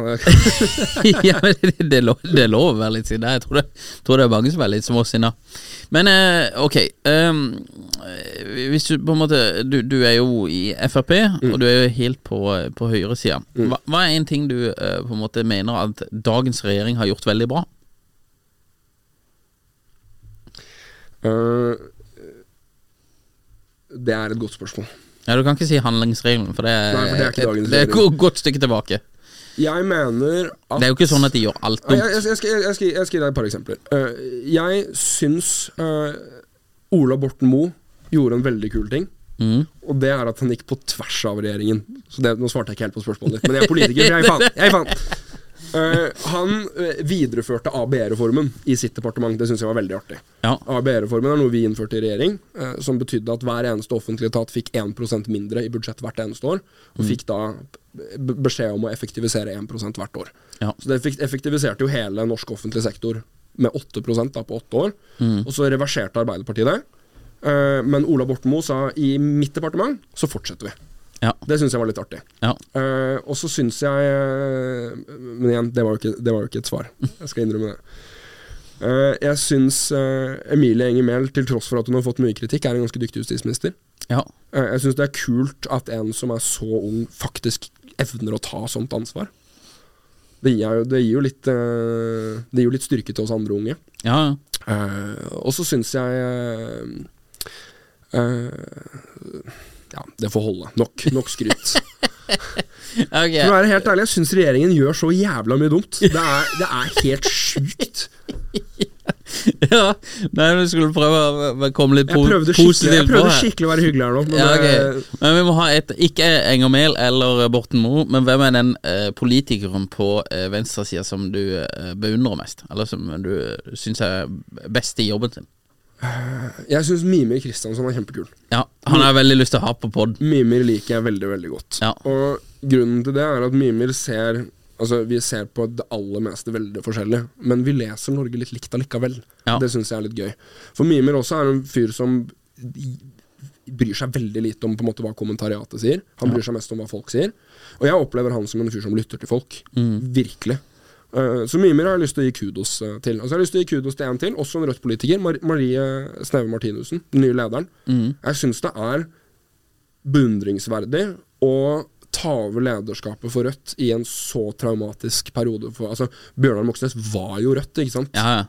Og så trer hun inn, relativt ufarget, går rett inn i en valgkamp. Og nailer Hun var god i partilederdebattene, altså. Jeg syns hun er skikkelig flink. ja. Eh, ikke gjennom makt, ikke stem på henne. Hun tar så feil i det hun, det hun sier, men, men det går an å respektere mennesker likevel. Ja, han eh, Mimir, eller Mimir, Mm. eh, han også eh, Det var én ting jeg leste det var i aften, Stavanger Aftenblad, Mm. men han sa, de spurte han om han hadde lyst til å være statsminister, eller sånn der. Så sa han et eller annet sånn der eh, Nei, han hadde altfor mye svin på skauen til å være det, så han måtte bare holde seg til det han holdt seg på. Ja. Så tenkte jeg bare ja, Nå er jeg ikke enig med han heller, men jeg tenkte det er jo egentlig sånne folk vi trenger, liksom. Han er, han er realist, at eh, ja For vi har svin på skauen, alle mann. Ja, Så det jeg, tror, liksom eh, jeg tror sakte, men sikkert at terskelen kommer til å bli høyere for å ta politikere på sånn små tull. Ja. Nå har alle smarttelefoner, alle har dritt på alle sammen. Ja. Altså Når den generasjonen som har hatt russetid med smarttelefoner, blir statsråder, så Mm. kan ikke fylla videoer lenger felle en statsråd. Det går ikke. Da har vi ikke statsråder, da! Da er vi ferdig med politikk, da. Ja, det, det, det, jo, det, nevnte jeg jo før vi begynte podkasten, men altså Hvis vi forventer at lederne våre har en, en høyere moral, en høyere etikk enn det vanlige mennesker klarer å leve etter, eller egentlig det mennesker klarer å leve etter, for vi er egentlig alle vanlige mennesker, mm. så tror jeg vi ber om å bli lurt. ja. Jeg tror det er veldig urealistisk å forvente at en person skal klare å leve de første 50 årene av livet sitt fullstendig prettfritt, aldri tråkke feil, aldri si noe dumt, aldri såre noen, ikke sant? Og så bli statsminister. Én ting er jo en historie om noen som gjør det bra. Jeg liker jo bedre de historiene med de som faller og reiser seg opp igjen. Jeg Ja. synes de historiene er kulere. Eh, Og jeg tror og håper eh, at Norge er et samfunn som klarer å, eh, å ta også de utskuddene inn i varmen. Da. Jeg tror demokratiet vårt ville hatt veldig godt av det. Når du blir statsminister om en del år, hva er det verste de kommer til å finne på det? Uh, Det er vel mye russetid, tenker jeg. Ja, det er mye russetid. Jeg har gjort mye dumt. Jeg har gjort mye dumt, jeg sier ikke noe på det. Er det mye av det som er filma? Ja, sikkert. sikkert. Det hender gutta sier det. Hvis jeg blir litt tøff i trynet, så sier de «Nei, 'skal jeg ringe VG og ta kamerarullen der'? Nei, men jeg har jo vært ungdom som alle andre, ikke sant. Ja. Jeg har jo, jeg har jo hatt mine flørter og hatt mine hjerteknus og hatt mine byturer hvor jeg har spydd i busken. og Altså, jeg har vært ungdom som alle andre. Og jeg tror at det å være ærlig på at det er, en, at det sånn er det, liksom, det tror jeg, jeg tror det er sunt. Og jeg tror også det vil gjøre at flere mennesker tør å bli politikere. ja. For jeg tror når man ser Når man ser hva Bjørnar Moxnes går igjennom for to par med solbriller Ja, men det er jo karakterbrudd. For all del. Det er jo det Jeg, jeg, som jeg, er sier, jeg sier ikke at han ikke skal miste jobben. Jeg sier bare at øh, han har jobbet hele livet sitt. Han har ikke tjent så godt som han kunne tjent ikke sant, i privat næringsliv. Mm. Han har ofret bursdagene til barna sine og familiemiddager og julaftener og påskeferier og tjo og hei ikke sant, i så mange år. Én feil. Ja. Så Den feilen kan være stor eller liten, for all del. Men det stillingsvernet som politikere har, ligner jo ikke på noen andre sitt. ikke sant? Nei, det er prester. I teorien så kan jeg gå i kveld. Jeg kan miste jobben min i dag. I Ja. teorien. Hvis FPU vil det. Men hvorfor vil du være politiker? Nei, Det er et godt spørsmål. Hvorfor vil jeg det, holdt jeg på å si? For det, jeg, har, jeg er jo fra Sørlandet, Ja. så har jo eh, liksom det er jo, det er jo mye bedehus og greier på Mm. eh, Og de som er på en måte der, de blir alltid holdt til en høyere, betydelig høyere standard enn oss, som, uh, oss andre, for å si det sånn. da Og det har jeg tenkt på mange ganger. Hvorfor gidder disse her folkene å ta den jobben? Uh, hvorfor er det ikke bedre å ligge på en eh, strand enn nede på uh, Gjøre det bra, eksempel, og jobbe greit og sånn, men, men sånn som du, du er 23 år. Uh, og dette her, uten at jeg vet åssen din hverdag er, men den regner jeg med er betydelig lenger enn syv og Betydelig lenger enn syv og en halv time, fem dager i uka. Eh, og i tillegg så blir du utsatt for masse kritikk. Og det er jo mest sannsynlig etter hvert som du blir eldre, kommer det ikke til å eh, gå ned. Det kommer mest Ja, sannsynlig det til blir å bare mer og mer. Jeg skal Ja. ikke lyve. Og jo høyere du kommer i politikken også, når, du, når du blir statsminister, så, så kommer det til å være peak high, liksom. Ja. For du tråkker feil og greier. Jeg syns det er artig at du driver og insinuerer at jeg skal bli statsminister. Jeg har ingen kommentar til det. Nei, jeg men syns det- Sylvi er en veldig dyktig partileder, Ja, ja, og jeg gleder meg til å være statssekretær i hennes Ja, ja, men det, det, årene går jo her, så, så jeg skjønner at du må være politiker. Så det er bare mine ord. Det er bare mine ord. Jeg, jeg står Så lenge vi kan være enige om at Ja. det er dine ord. Ja, dette er mine ord, Ja, ok. så det er helt det, det, det er ikke noe du har sagt. Okay. Jeg bare sier det. Men eh, når du blir statsminister, så kommer dette her til å være på en måte peak uh, criticism, da. Ikke sant? Og så kanskje du har ei kone, Mm. Ja. Mm. og kanskje du har fått noen barn, og ditt og datt, og liksom du gjør et eller annet som er upopulært. Du klipper et par strømkabler eller noe sånne greier, ikke sant, og så er det kjempeupopulært. Og da får de uh, På skolen så sier noen til barna dine at uh, hvorfor er din far så dum og klipper strømkabler? Og liksom uh, Hvordan tenker du rundt dette trykket som du påfører deg selv, og potensielt din familie down the line? Uh, jeg vil si at jeg allerede påfører familien min en del trykk. Ja, ja det gjør du helt det sikkert. gjør jeg nok. Ja. Uh, spesielt min søster. Ja, For hun er jo fem kull yngre enn meg, går på videregående. Og hun er jo midt oppi den der gryta her. Ja, hun må få høre det. At du er søstera til Simen. Hun, hun, hun har sagt det, hun sa det litt tørt i 18-årsdagen sin, at uh, jeg, er ikke, jeg er ikke Andrea lenger. Jeg Nei. er søsteren til Simen. Ja. Jeg syns jo det er kjempegøy, men det er jo bare, det er bare storebrorhjertet mitt som syns det er litt artig. Men, men Ja, absolutt møter de motstand. Ja. Eh, og jeg har vært veldig tydelig på at uh, jeg vil ikke at uh, min familie skal ha noe, føle noe behov for å forsvare meg. Nei. Jeg forsvarer meg. Ja. Eh, og så er jeg også god på å, å si ifra i forkant hvis det kommer noe. ikke sant? Ja. Det er jo ikke sånn at jeg får push-varsler fra VG samtidig som folket. Nei, nei. Hvis det er en sak om meg, ikke sant? da vet jeg jo om du har kommentert noe. og sånne ting. Mm. Så de gangene det er noe hvor det blir litt bråk, da pleier jeg å si ifra til de som er meg nær. Ja. Og så har jeg heldigvis veldig veldig, veldig støttende familie, veldig Mm. støttende venner rundt meg, uh, som heier på meg. De er ikke nødvendigvis enige, men de, de skjønner hvorfor jeg gjør det, og de, Mm. og de vil meg vel. Det er jeg veldig glad for. Men jeg skal jo ikke lyve. Jeg tror du trenger en viss grad av Du må nesten være sånn masochist for å være politiker.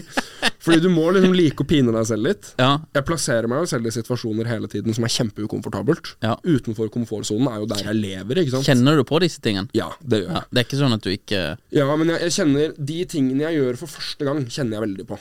Men hvis jeg, gjør det, hvis jeg har gjort det noen ganger, som f.eks. Dagsnytt 18, da, Ja. som er en veldig stressende ting å gjøre, det er noe av det mest intense som fins, det var Første gang jeg var i Dagsnytt 18, holdt jeg på å pisse på meg. Det var fælt.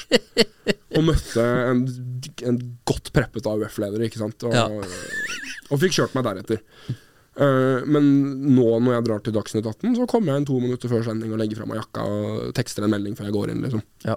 Det er jo fordi jeg har gjort det mange ganger. Ja, ja. Eh, så hver gang jeg på en måte gjør noe jeg ikke har gjort før, syns jeg det er veldig ukomfortabelt. Og så skal jeg ikke lyve, jeg er i utgangspunktet ikke komfortabel med å snakke foran mange mennesker. Ok. Nei, det er litt rart. Det virker ikke som meg i det hele tatt. Men jeg, jeg har tvunget meg selv til å endre personlighet. Ja. Fordi eh, da jeg var liten, så var jeg Jeg var ikke introvert, men jeg var litt eh, Jeg tror jeg var litt, litt sånn Litt sånn redd liten gutt. Litt stressa type. ja. Stor verden, ikke sant. Mange som er det. Ja, ikke sant. Og så Kan kjenne meg igjen i det. Og så sto jeg i min egen konfirmasjon og skulle holde konfirmasjonstale. Og da har du jo 30 mennesker rundt bordet, og det er jo bare de som er mest glad i deg i verden. Alle vil deg vel. Fikk ikke ut et ord. Nei. Så kjente jeg etterpå at da da er jeg skuffa over meg sjøl. Mm. Skikkelig, skikkelig skikkelig skuffa. Og så øh, brukte jeg bare hver eneste anledning jeg fikk til å tøye den strikken lite grann. Mm. Eh, og nå har jeg tøyet den så langt at den strikken er jo så slapp. Altså, jeg, jeg har jo ingen hemninger lenger for å prate foran folk. Kanskje ikke så bra. jo, jo, jeg tror det. Jeg tror du trenger det. Jeg tror, jeg tror liksom den, den veien du går også, at du liksom bygger opp uh, styrke, eller hva du skal si, da, eller toleranse. At du får på en måte tykkere og tykkere hud, da. For det, Ja, det får man. Det, det her kommer jo på en måte Det, det er jo ikke noe Det kommer iallfall ikke til å gå nedover. Ja, og Det tror Det jeg er noe av det fine med Det blir jo mye kritisert, disse karrierepolitikerne. Med liksom De som egentlig går mitt karriereløp, og er Ja. ungdomspolitiker, og så blir du stortingsrepresentant, og så blir du statsråd etter hvert. Ja. Noe av det fine med det er jo at du får god tid til å tilvenne deg det å være politiker. ja. Fordi det ligner ikke på noe annet. Jeg er aldri ikke på jobb. Nei. Hvis jeg står kvart på fire i taxikøen på vei hjem fra byen i Oslo, så får jeg som regel spørsmål om politikk. Ja. det er noen Ja, som vil det, som regel, og det- prate med deg. Ofte er det folk som er hyggelige og kommer med skryt og vil ta et bilde og sånn, men det er også folk som er potte sure, ikke sant. Ja, ja. Uh, og det er kjemperart. Mm. Veldig rart å og en ting er sånn du, Mange sitter, eller De fleste sitter sikkert med en følelse innimellom at noen ser på dem. Mm. Jeg ser folk ta bilde av meg hver eneste dag. Ja. Og folk er jævlig dårlige på å skjule det. Det er helt sykt. Det sitter noen ja. Jo, men jeg, Alle følger med på det du gjør. Alt du sier, uansett når, uansett i hvilken setting, kan tas ut av kontekst. Ja. Hvert eneste ord som kommer ut av munnen min, bør stå seg i VG. ja. Og det er jo ikke en kul måte å være 23-åring på, ikke sant. Nei, men nå er du jo snart 24. Ja, så det, det, og da, går det det, da, går, da går det Men for å svare litt på spørsmålet ditt, da, det fins på en måte mange kjipe ting med politisk engasjement og det å være profilert og en offentlig person, men jeg vil si at når alt kommer til alt, så er de mulighetene jeg får til å påvirke samfunnet i den retningen jeg ønsker å påvirke det, gjør det verdt det for min del. Ja. Helt klart. ja. Vi må eh, straks runde av her, klokka løper fra oss. Men eh, er du singel? Ja, jeg er singel. Du er det? Ja. Hjelper eh, det på datinglivet å være politiker? Uh, ikke nødvendigvis å være politiker, men jeg kan jo innrømme at det hjelper på singellivet å, være- å vinne skolevalg. ja. ja, så det hjelper. Men jeg, men jeg skal ikke lyve, jeg har ikke veldig mye tid til å være singel. Nei, jeg ser den. Men ja. kunne du vært sammen med en Rødt-politiker? Ja, hvorfor ikke? Hvorfor ikke? Ja. De er mennesker, de òg. ja. De må jo begynne å stemme Frp, selvfølgelig. Nei, altså jeg, kan, altså jeg har ikke noe sånn der absolutt tålegrense for hva folk stemmer. Men det er jo noe med det at du har jo lyst til å, hvis man tenker langsiktig på et forhold, da, Ja. så vil du jo gjerne oppdra barn sammen med mennesker som ser på verden likt som deg. ja. Jeg har jo ikke lyst til å bruke middagsbordene de neste 30 årene på å krangle med kona mi foran sønnen min om formuesskatt er bra eller ikke, liksom. Nei, jeg ser den. Så øh, på en måte liker barn like best. Men jeg har alltid blitt tiltrukket, ikke bare sånn øh, kjærlighetsmessig, men også i vennskap av mennesker som er uenige med meg. Ja. Fordi jeg liker en utfordring. Jeg hater ja-mennesker. Ja. Synes det er skikkelig det, det, har ingen effekt å bare være enig. Hvorfor er du der, da? Nei, nei. Så du liker at det er litt, grann, eh, grann gnisning? eh, Ja. ja. Det kan være positivt. Det er sunt, det. Det som er positivt når folk skal date det, Ja. det er jo at eh, det er jo mulig å finne ut eh, veldig mye hva du mener. før, før. Men det er litt gøy, fordi uh, hvis du googler meg, så er en av de første tingene som kommer opp, er en sånn helt syk Aftenposten-sak hvor det står 'Ny FpU-leder, jævlig uenig med Sylvi Listhaug, vil ha uh, organsalg og hva, hva var det andre? Orga og flerkoneri! Jeg, jeg Er, du, er du for flerkoneri? Øh, nei, jeg, jeg, altså, det var ikke det jeg sa. Jeg sa at jeg syns ekteskapsloven er noe tull. Ja, ok. uh, men det å fjerne ekteskapsloven betyr jo i, måte, i, hvis du strekker den litt, at man tillater polygami i Norge. Ja, ok. Men, uh, men i hvert fall, jeg ble litt lurt av hun journalisten. Men det, hun gjorde jobben sin på en veldig dyktig måte. Men da har jeg jo opplevd å sitte hjemme hos og møte liksom foreldrene for første gang. Ja. Og så sitter de liksom og skjærer i maten, og så sier far Simen flerkoneri. Ja. Er ikke, er ikke beste starten på Svigerfar. Ja. Hør her, svigerfar. Det ble tatt ut av kontekst. Ja, men det, Jeg har egentlig ikke blitt straffet så veldig for det. Men det er jo, det du har rett i det. At det er ikke, det er, jeg er ikke en veldig vanskelig fyr å stolke. Nei, jeg ser den. Jeg ser den. Nei, ok. Hvor er du om eh, Hvor er Simen Velle, 34 år? Han øh, har forhåpentligvis funnet kjærligheten, jobber litt mindre og har de samme vennene og friske og raske foreldre. Ja. Hva jeg jobber med, aner jeg ikke. Nei. Jeg er FPU-leder til jeg dør. Så lenge jeg sitter som FPU-leder. Og det mener jeg er litt av poenget. At, jo, jo, men nå skal jeg, nå skal jeg komme Høres ut som en fotballhooligan. ja, nei, men jeg skal, jeg, jeg, skal, jeg, skal, LSK til jeg skal forklare det på en litt, mer, en litt mindre hooligan måte. Ja. Greia som ungdomspartileder er at du fra tid til annen er nødt til å ta noen valg som er riktig for organisasjonen din, men feil for din karriere. ja. Hvis jeg hadde brukt tiden min som FPU-leder på å sikle etter en stortingsplass eller en eller annen jobb, så ville jeg sannsynligvis ikke turt å ta de beslutningene som var nødvendige. Jeg ville ikke vært en så god FPU-leder som jeg mener at jeg bør være. Og derfor, så uansett hvilket jobbtilbud jeg får, så er svaret mitt ring når jeg er ferdig med FPU. Ja. Jeg har, ikke, altså, jeg har virkelig ingen utsikter etter FPU, og, og det er helt bevisst. Fordi jeg mener at når du leder et, et prosjekt som Når jeg er så heldig da å få lov til å ha den jobben jeg har, så skal livet mitt handle om det, ja. rett og slett. Enig i det. Ja, det. Jeg tenker det er en god innstilling. Har du hatt vanlig jobb? Ja, jeg har det. Jeg har jobbet flere steder. Jeg har jobbet i et flytteselskap en stund. Ja. Det var dumt. Det var dumt. Ja. Eh, og så før jeg ble FPU-leder, så jobbet jeg et år hos uh, kundeservice hos Talkmore. Ja, ok. Men det er bra. Jeg tror det, For det, det kommer du til å bli tatt på hvis du ikke har et vanlig jobb. Ja, jeg har, jeg har faktisk både stått og ventet på lastebilen klokken syv om morgenen og brukt vernesko. Så kom og ta meg, INP. Ja, men flyttejobb er bra. Det, det, det, du kommer ikke unna den. Det, Ja, det, var er fysisk arbeid. Det var fæle greier, ass. Ja men, det, det, ja, men det er bra for deg å ha på CV-en. Ja. Du du har vært eh, Det er på gulvet, gulv, altså. Mm. Nei, det, det liker jeg. Hvem, eh, hvem vinner eh, valget neste Hvem er neste statsminister i Norge? Det er et godt spørsmål. Det er nå vi skulle hatt en sånn odds på gang her, vet du. Ja, ja, vi kan få, få inn Unibet her, så tror noe. vanskelig Er det større på nytt? Er Veldig vanskelig å svare på. Ja, Eh, det det jeg tror er det riktige svaret her, er at halvannet år er en livstid i politikk. Ja. Uh, ting kan endre seg, og det gjør de, som regel. ja. Men hvis man på en måte ser på de trendene som har vært lenge nå, så tror jeg det er sannsynlig med et regjeringsskifte. Det er mulig, det. Absolutt innenfor rekkevidde. Eh, Men det forutsetter eh, mange ting. ikke sant? Hvor Ja. står KrF og Venstre? Hvordan er styrkeforholdet mellom Høyre og Frp? Mhm. Eh, Hvor stor er den borgerlige blokken samlet?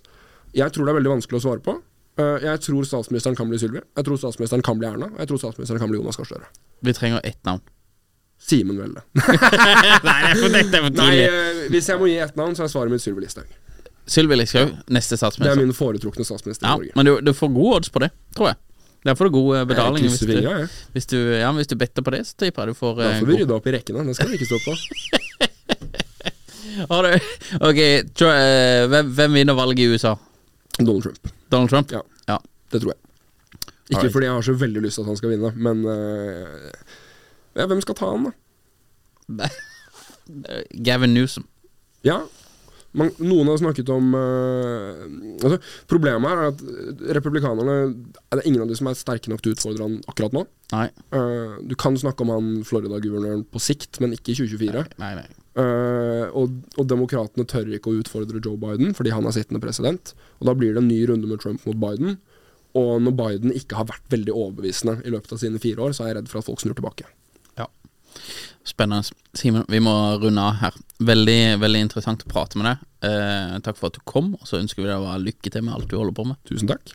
Og hvor eh, TikTok-profilen din, hva heter den? Simen Velle. Simen Velle, og Instagrammen også, bare Simen Velle. Nei, jeg er Simen Velle overalt, jeg. Ja, det er, det er nydelig. Det, Check it out hvis dere har lyst til å se. Hvor er eh, du mest du, eh, aktiv? Eh, på Instagram, tror jeg. Ja. For det er, greia er at jeg har ikke lenger kontrollen over mine sosiale medier. Nei? Det er jo liksom, det blir jo besluttet eh, ikke, altså Det er jeg som legger ut ofte, men, men det er jo en vurdering. Ja. Men mine historier på Instagram, de er bare mine. Hvis dere vil se Simen unfiltered, sjekk meg ut på Instagram. Der er det fyllevideoer og det som er, det er kjempestemning. Right. Så det er Instagram som er det beste. Det er der det skjer. Ja, Nydelig. Simen, tusen takk for at du kom. Veldig Tusen hyggelig å prate med deg. Lykke til.